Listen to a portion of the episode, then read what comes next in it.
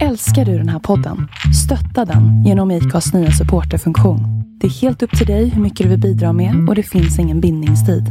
Klicka på länken i poddbeskrivningen för att visa din uppskattning och stötta podden. Politik, politik, politik. Ja, vi i Token Closet har ju diskuterat den politiska vänstern i några avsnitt och hur den har förändrats de senaste åren. Alltså vänstern då. Och i rättvisans namn måste vi göra detsamma med högern. För vad fan har hänt med högern nu när vänstern gått åt höger? Har även högern gått åt höger eller? Ja, detta och mycket annat som gäller den politiska högern kommer vi diskutera i detta och i kommande avsnitt. Trevlig lyssning!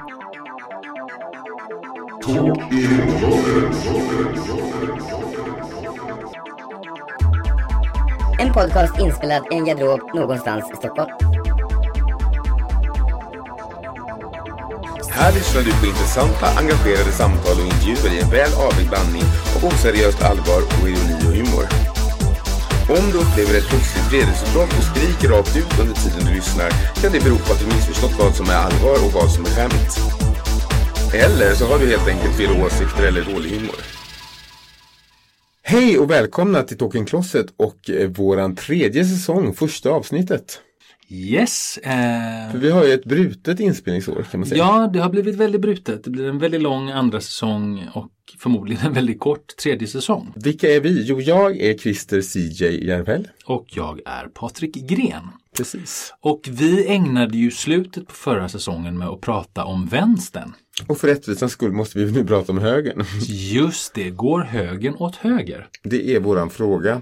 Men innan vi svarar på den så vill vi prata lite om högerns historia och också att högern är indelad i mer än en gren kan man säga. Ja, den är mångfaldig och har, har grenat ut sig på många sätt. Men det man först tänker på är väl konservatismen. Som, Precis. Ja, och det, Det var är väl där det började. Eh, och senare i modern tid har det ju utvecklats till nyliberalism som blev en högergren. Ja, det blev Som, det absolut. och liberalismen har också avgrenat sig till libertarianism som aldrig har blivit så genomslagskraftig men som ändå är en del av högern. Ja, och sen så har vi då den nya alternativhögern. Precis, alt-right. alt-right. Som kanske inte är så ny, men det, det ska vi prata om sen. Men, men konservatismen, det är ju ändå där vi kan säga att, att eh, hela den här spännande historien om, om högern börjar. Eh, och den har väl sin grund i franska revolutionen precis som vänstern har faktiskt. Ja, för det första så satt ju vänstern till vänster inom franska national nationalkonventet, var det na- na- Na, nationalförsamlingen. nationalförsamlingen och höger satt till höger, därför heter det höger och vänster. Men det pratade vi om sist. Eh, men eh, högerns, eller konservatismen var en reaktion mot franska revolutionen. Eh, och det var främst Edmund Burke som var en politiker i Storbritannien som man säger är konservatismens fader som skrev böcker och var politiker. Eh, och han var ju som sagt, han reagerade mot den franska revolutionen och de snabba förändringarna som han tyckte var helt eh, avskyvärda. Ja precis och om man, man sammanfattar Burkes eh, ideologi så får man lite en grund om vad konservatismen från början åtminstone stod för. Eh, och så här står det på Wikipedia att Burke ansåg att det var varje undersåtes eller medborgares skyldighet att åtlyda statens traditionella auktoriteter. Ett fokus på tradition. Och att undersåten inte heller någon nat- hade någon naturgiven rätt att delta i statens affärer.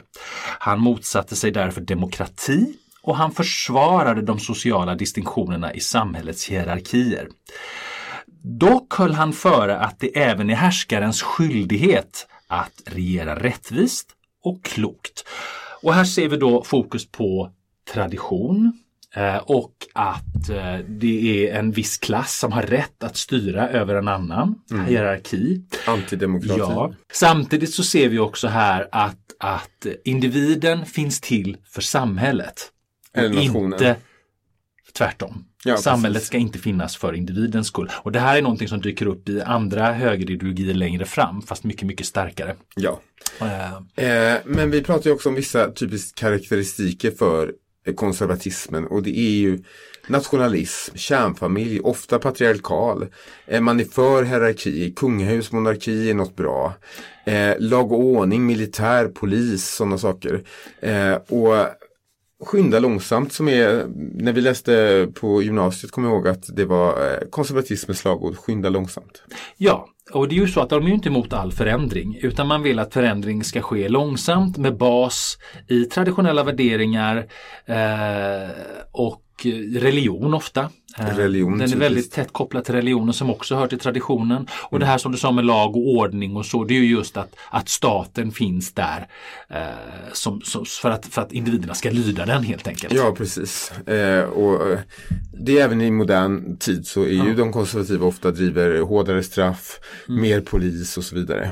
Men den är ganska kollektivistisk, men den är kollektivistisk på ett annat sätt än vad vänstern är. Ja, och det ska vi ta upp senare för det, det är en splittring där också lite grann. Ja, precis. Eh, men eh, du hade lite tankar också om att även om nu eh, den moderna konservatismen kan sägas ha uppstått under slutet av 1700-talet, början av 1800-talet så, eh, så har ju alltid funnits konservativa idéer och strömningar. Ja, även om de inte har kallats så så har det ju alltid funnits i nästan alla samhällen en, en progressiv gren och en, en, konservativ gren. En som vill ha snabba förändringar och en som tittar mer bakåt. Det kan vi ju se i romarriket är ju roligt att ta som jämförelse Precis. här då. Där, där Julius Caesar ansågs vara en väldigt progressiv politiker medan till exempel Cato eh, var en väldigt eh, konservativ. konservativ. Och de hade ju också två olika partier. Ja, Populares och eh, Optimarer. Optim Optimates. Optimater. Ja, precis. Uh, och... och... Eh, just det här med Caesar, för jag, jag har läst att han slösade pengar, klädde sig väldigt eh, rikt och lite fjolligt ibland och sådär och att det föraktades då av de här konservativa. Ja, Uh, han var väldigt banbrytande på sin ja. tid. Och går man längre fram så kan man läsa filosofen Juvenalis Mm. Det är mm. väldigt, väldigt roligt eh, för det går att jämföra med idag nästan. Eh, Rom hade på den tiden blivit en stormakt, mycket större än under Julius Caesar och styrdes av Marcus Aurelius, en av de goda härskarna. Det var en av Roms storhetsperioder. Eh, och det hade också lett till att kvinnor hade fått ökad makt, vilket Juvenalis tyckte var fasansfullt. Han ägnar mycket tid åt att beskriva hur gräsliga kvinnor är och att kvinnor ska tryckas hem i hemmen igen och inte alls ska vara ute och styra och bestämma och så. Vilket vi kan känna igen idag. Han vände sig också emot att eh, män klädde, klädde sig feminint. Mm. Eh, och att de liksom Eh, att de liksom visade upp visade sin, upp sin, sin, sin eh, fjollighet, och, fjollighet och så här på ett sätt som han tyckte var eh, Ja, de här idealen riskerar att rasera den, den, det goda romerska samhället och han vill ju tillbaks då till, till det gamla hederliga Rom som där män var män och kvinnor var kvinnor. Och det känns kvinnor... ju verkligen igen idag. Ja, så att de här idéerna om, om konservatism har ju funnits även innan idén ja. om konservatism i sig. Jag tror endast den är urminnes tider faktiskt. Det tror jag också. Det tror jag också. Uh, och det, det, så är det ju. Men konservatismen har ju förändrats över åren. Den har ju inte sett likadan ut uh, och den har ju inspirerats av andra politiska ideologier, framförallt ja. under 1900-talet. Men jag skulle också vilja säga det att Även Sovjetunionen var ju i sista ändan till slut konservativt när man ville behålla Sovjetunionen som det hade varit och inte ville förändra. Mm. Så allting som stagnerar kan man kalla till slut bli konservativt på ett sätt. På ett sätt, men samtidigt om man tittar på konservativ politik så vill man ju ändå ha förändring. Men man vill inte att det ska gå så fort. Man Nej. vill ju inte att det ska, inte ens de mest konservativa vill ju att samhället ska stå still. Eh, så nej, så att det finns en progressiv gren av det. Men eh, mycket förändrades under eh, 1980-talet när nyliberalismen kom in och, och, påverkade konservatismen på ett ganska oöverskådligt sätt till att börja med. Men jag tänkte vi skulle Vi skulle ta först en eh, intervju va? Mm, nej, en politisk väderleksrapport är det väl? Måste vi alltid ta den först? Ja men det har vi alltid gjort förut. Ja, vad konservativ du är. ja, ja, men någon ordning ska det ju vara. Vi, vi tar ett avbrott för en politisk väderleksrapport. Ja, så får det väl bli då. Våra globala nyheter. Rysslands president Vladimir Putin har valt att skjuta upp sin egen vaccination med det ryska vaccinet Sputnik V. Enligt ryska hov vi menar regeringens talesperson beror inte detta på att vaccinet är bristfälligt, utan på att Putin vill se till att hans landsmän får vaccinet först. Detta måste man ju säga är mycket storartat av den ryske presidenten. I USA har den konservative radiokaraktären Rush Limbo Rush Limbo Ja, så heter han kanske. Rush Limbo. Gått ur tiden efter att ha spytt galla och lugner via eten under de senaste decennierna. Rush, som fick The Presidential Medal of Freedom av före detta president Trump, är redan saknad av sina mest konservativa lyssnare som nu får nöja sig med att hata med Alex Jones. I den amerikanska delstaten Texas har miljoner människor fått vara utan el och därmed värme och rinnande vatten i många dagar. Ted Cruz, Cruz, Ted Cruz. Ted Cruz, som är senator för Texas, blev också utan el och tog därför tillfället i akt att lämna sina väljare som desperat försökte värma sig i bilar och smälta snö för dricksvatten för att besöka det mexikanska semesterparadiset Cancún med familjen. Cruz, som varit en trogen Trump-supporter, kunde besöka Mexiko utan att klättra över någon mur och inte heller behöver han se sina barn bli bortförda för att bli internerade i burar på obestämd tid. Han kan alltså glädja sig över att Mexiko inte har motsvarande regler som USA haft mot mexikaner under Trumps tid som president. Så över till Europa. I Europa diskuteras nu en idé för att underlätta turism och resande i coronans kölvatten. Nämligen vaccinpass, också kallat coronapass. Som vanligt är de europeiska länderna oeniga om värdet av denna idé och risken är att olika regler kommer att gälla för de olika länderna i Europa. En annan kallduschnyhet är att Golfströmmen minskar i styrka på grund av smältande isar vid Nordpolen. Golfströmmen är vital för att ge Skandinavien och norra Europa ett milt klimat. Så de som säger att global warming bara är bra för de som gillar värme kan behöva tänka om. Just här kanske det innebär minus 50 grader om Golfströmmen helt försvinner. Så över till Sverige. Lagom till att vaccinet mot coronan äntligen nått Sveriges gränser har regeringen drivit igenom en tillfällig pandemilag. Det var väl så dags nu. Som ger regeringen möjlighet att tvinga nedstängning av delar av den svenska ekonomin. Så nu kan regeringen helt enkelt tvinga företag att stänga sina portar bara för att visa att man faktiskt kan. Småföretagare är såklart överförtjusta i denna nya utmaning. Och det var allt för nyheterna för idag.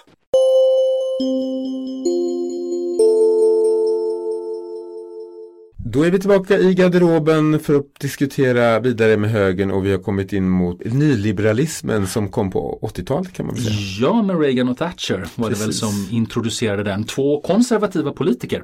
Ja. Men vad, vad har nyliberalismen för grund? Var kommer den ifrån och vad står den för egentligen? Ja, först skulle jag vilja säga så här att eh, under krigsåren och efter kriget så var det liksom allmänt accepterat i Europa att eh, staten hade fått en stor del. Det var mycket statligt ägande.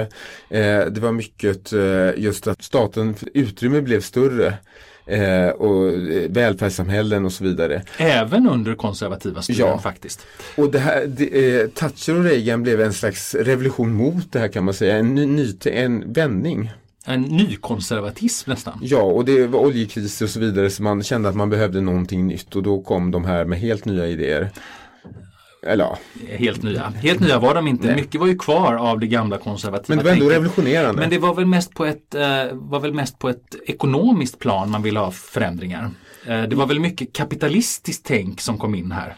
Ja, jag skulle nästan säga att eh, eh, nyliberalismen är någon slags eh, sexuellt samlag mellan konservatism och liberalism som blandas ihop. Eh, för att det var ju också konservativt samtidigt, åtminstone i sociala sammanhang.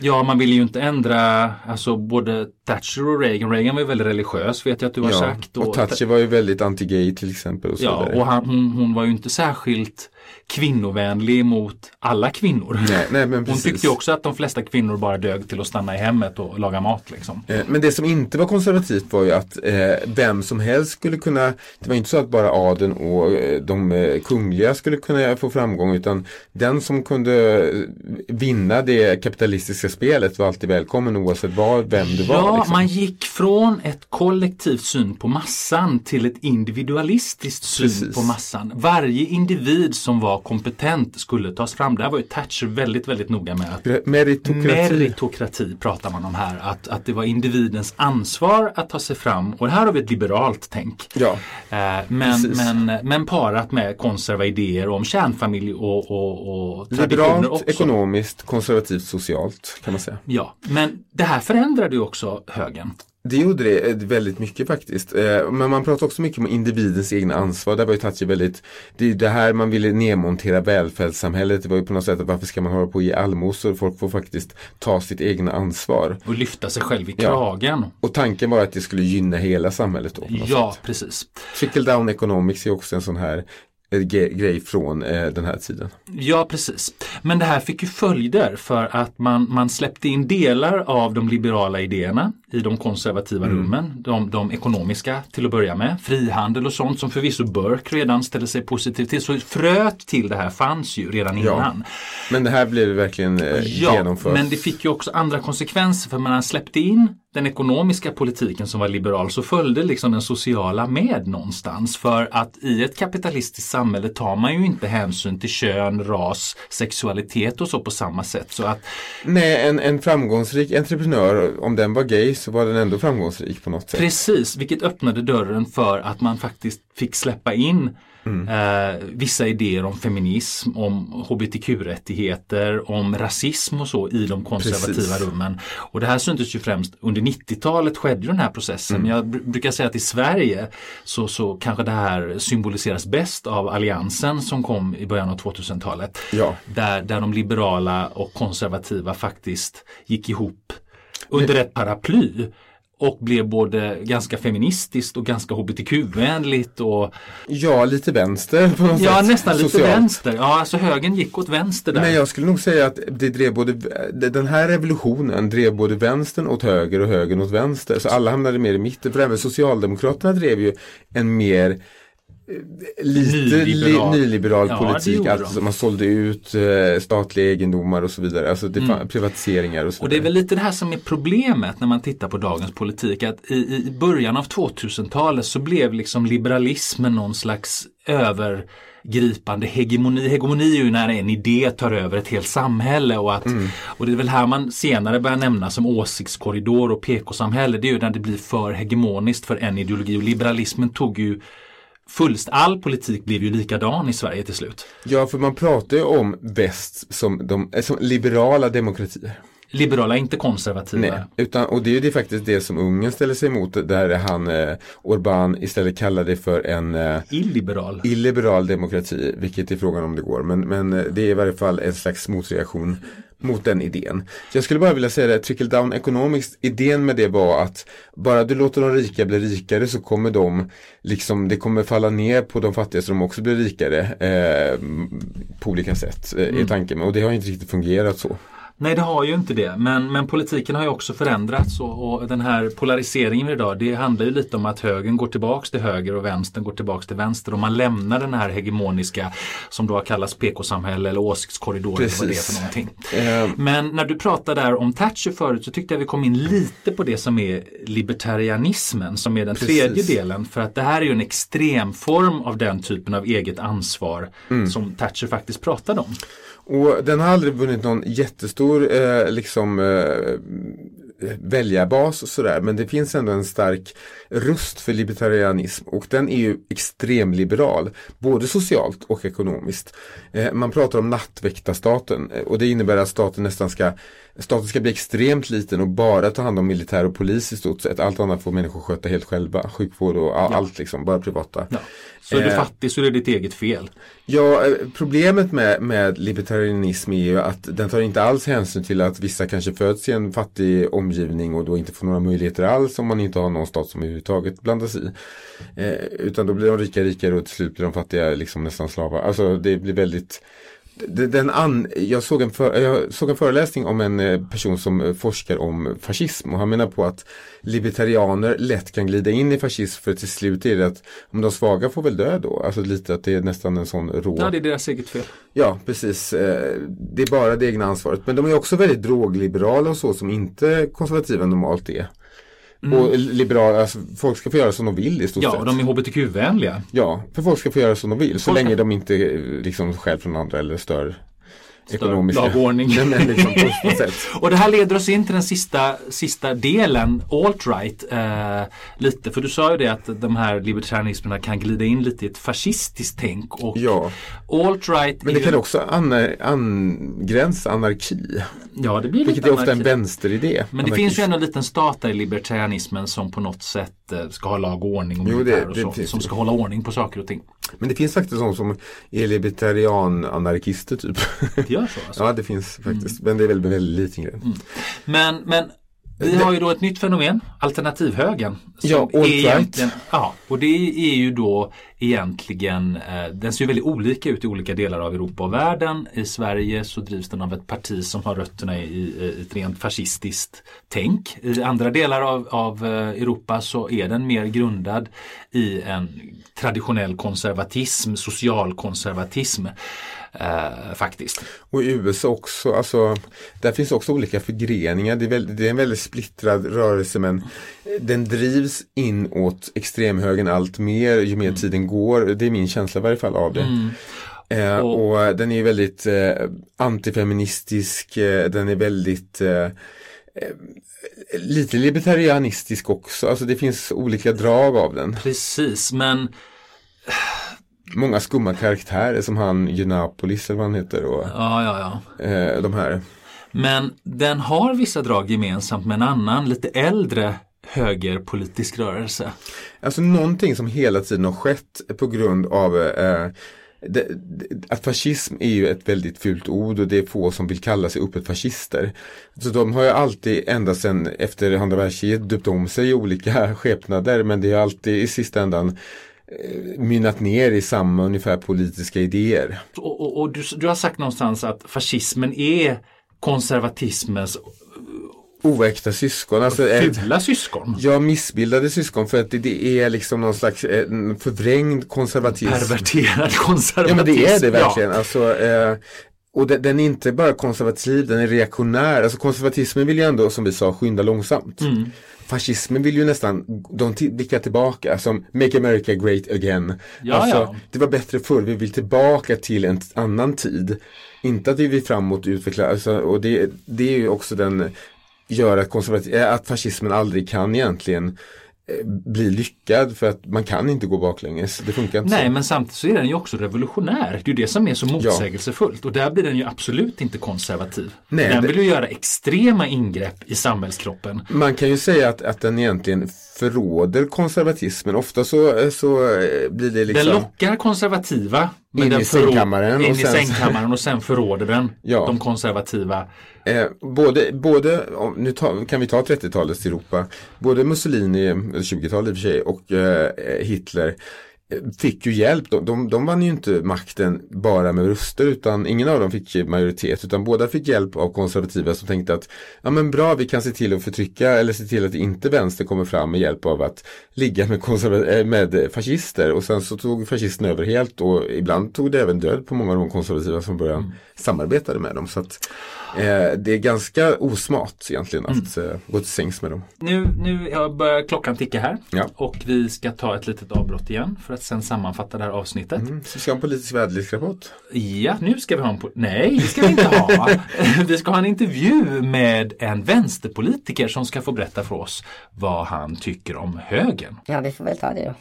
Vi står här nu på en öde coronagata i Stockholm med Erik Harmlos eh, från det nystartade socialistiska partiet SDGV inom parentes R. Så Erik, vad står egentligen SDGV inom parentes R för? Snällisterna, den goda vänstern, revolutionärerna. Oj då, det låter dramatiskt. Ja, vi på Talking Closet håller just nu på att spela in ett avsnitt där vi diskuterar högern och hur högern utvecklas de senaste åren. Du som står långt ut till vänster, vad har du för åsikt om det? Alltså jag tycker högern har alltid varit höger och den kommer alltid att förbli höger. Det handlar om sänkta skatter, ökande klyftor, utsåld välfärd. Fast nu på senare år har det blivit värre. Nu har de ändå lierat sig med riktiga fascister. Jaha, jo, eh, men, men finns det ändå inget, någonting som du kan säga som är gott med högern, som är bra med högern? Nej, jag tycker inte det. Se till exempel på hur det imperialistiska USA beter sig i världen idag. Inte bara Trump. Redan under George W. Bush tid fällde man drönarbomber över Syrien. Man torterade oliktänkande fångar i läger som Guantanamo. Det var egentligen bara under Obama som det blev bättre. Men blev det verkligen bättre under Obama? Eh, han ökade ju faktiskt de här eh, drönarbombningarna i Mellanöstern och Guantanamo som han lovade stänga, det stängde han ju inte. Ja men det är ju inte samma sak. Eh, på vilket sätt är inte det samma sak menar du? Obama fick ju Nobels fredspris. Ja, och vad har det med saken att göra då? Alltså Obama befriade det syriska folket från en diktator och från religiöst förtryck. Det han gjorde var ju för ett gott syfte. Men Syrien är väl inte befriad för det första, men jag menar, eh, han gjorde ju exakt samma sak som Bush, bara att han bombade mer med de här drönarna. Hur kan du säga så? Obama var demokrat. Bush var republikan.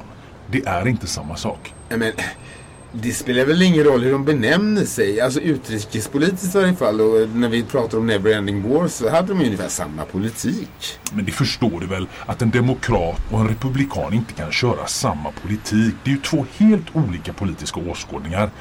Jag tror att du får läsa på lite mer inför dina intervjuer framöver. Ja, det säger du. Men då undrar jag så här, spelar det verkligen någon roll för den som sprängs i bitar eller den som sitter kvar i Guantanamo om det är Obama eller Bush som har eh, fällt bomben eller eh, tagit beslutet? Spelar det verkligen någon roll tycker du? Alltså Obama låste bara in brottslingar och de förtjänade att sitta där. Det är inte samma sak, herregud. Demokraterna står ju upp för feminism, antirasism och stöder hbtq-rättigheter. Menar du att det är dåligt?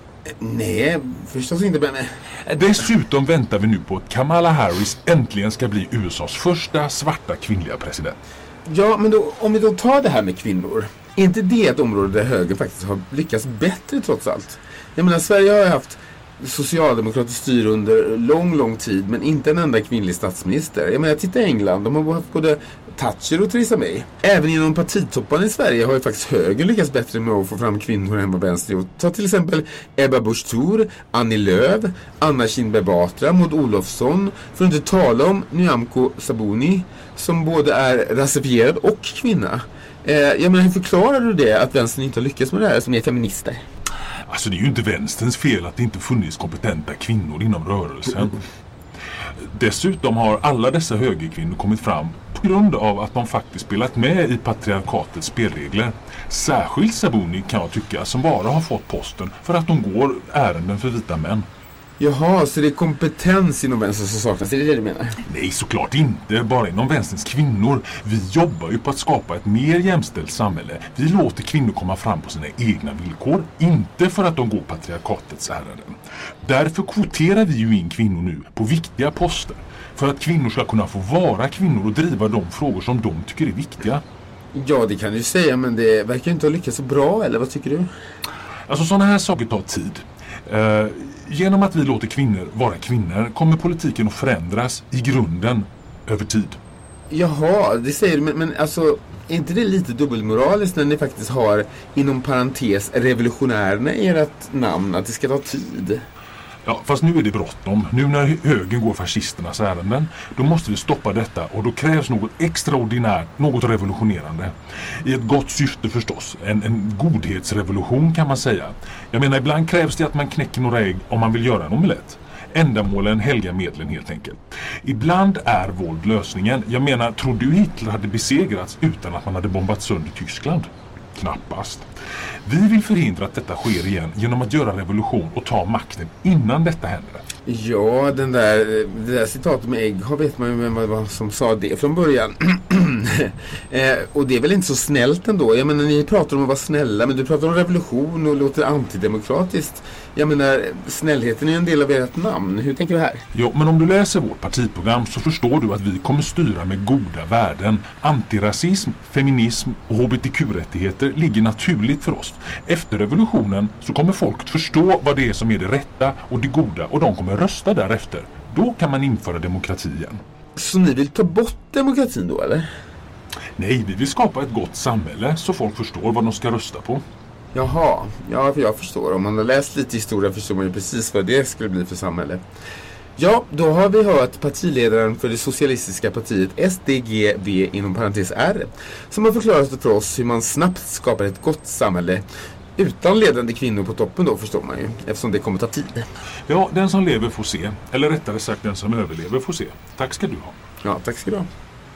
Ja, då hade ni fått höra en liten intervju där med eh, en eh, vänsterpolitiker som eh, kan man säga hade lite dubbelmoral kanske. Ja, det som de ibland har.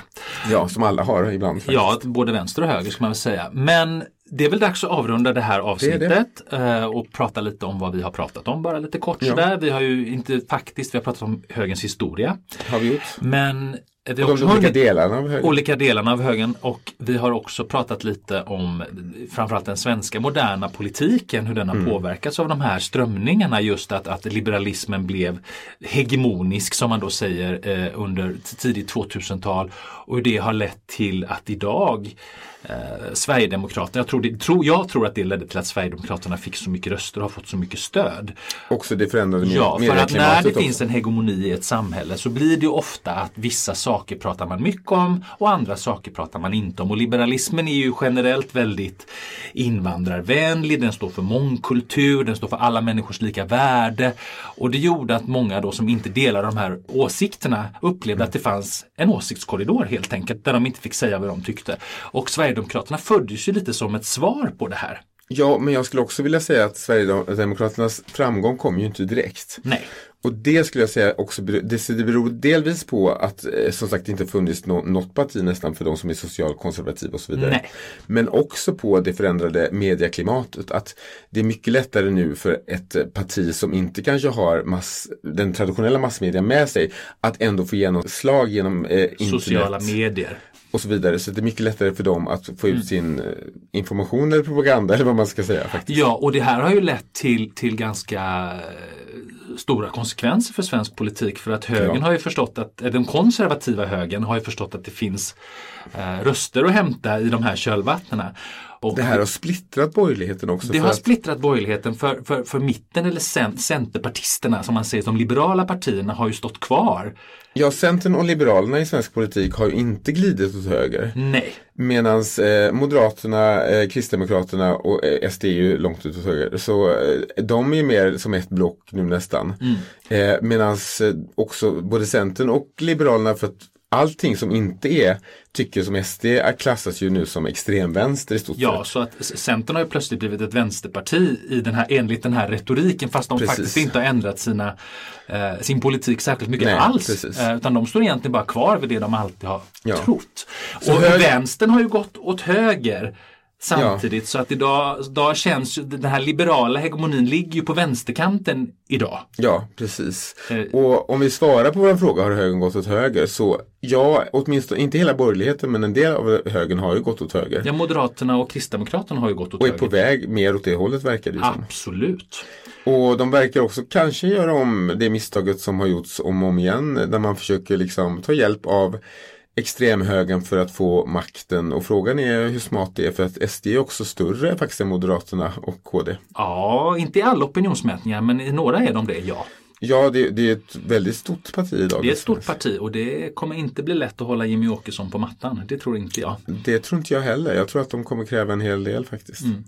Men i nästa avsnitt ska vi fortsätta gå in på just eh, eh, olika frågor som högern har och står mm. för och kritik mot dem. Eh, för det hade vi på vänster. Vi det hade, hade vi på vänster. Vad som kan göras åt den kritiken. Vad också. som kan göras åt, vad, vad vi tycker att, att eh, högern borde göra. Ja. För att eh, bli en bättre höger. ja, för att liksom eh, bemöta kritiken kan man säga. För att bemöta kritiken. Så gjorde vi för vänstern. Så, så gjorde vi för vänstern. måste vara rättvisa. måste vara rättvisa här. Eh, så det blir väl det. Eh, och det får ni höra om en månad. Ja, precis. Eh, vi hoppas på återseende och vill ni stödja oss så är det bara att swisha Mm. Eh, till mitt telefonnummer, eh, Christer Järvhäll då, eh, 0707 444 818. Och skriv gärna att det är Talking Closet så jag vet att det ska allokeras till just det här. Eh, och dela gärna våra Våra inlägg på Facebook. Vi har ju bara Facebook än så än länge. Så länge men vi jobbar på att öppna ett Instagram-konto här snart så ni kan få se hur roligt vi arbetar och hur kul vi har när vi gör det här. Och kanske även på sikt Twitter. Twitter, ja, som Trump inte längre får använda. Ja, då kan vi vara där istället. Precis, men också ni får gärna dela med er till kompisar om ni tycker det här var trevligt att lyssna på och så vidare. Mm. Så att, ehm, yes. Och lägg inlägg på våran Eh, Facebook-sida som heter Talking Closet. Gör det! Eh, för där kan du tycka till om saker, du kan skriva meddelande till oss och du kan komma med förslag mm. om du vill att vi ska prata om ett specifikt ämne. Och du kan flörta med Christer som är Nej, det kan du inte alls göra. Eh, och du kan, vad var det mer jag skulle säga, du kan också om du vill vara med som gäst, om, men då ska du i så fall antingen vara kunnig inom ett ämne eller vara väldigt passionerad inom ett ämne. Yes, då är det välkomna. Gäster vill vi gärna ha. Ja, det kan vara kul. Kom med förslag. Och ju mer känd du är, ju bättre. Bra! Yes! Tack för oss, hejdå! Tack så mycket, hej!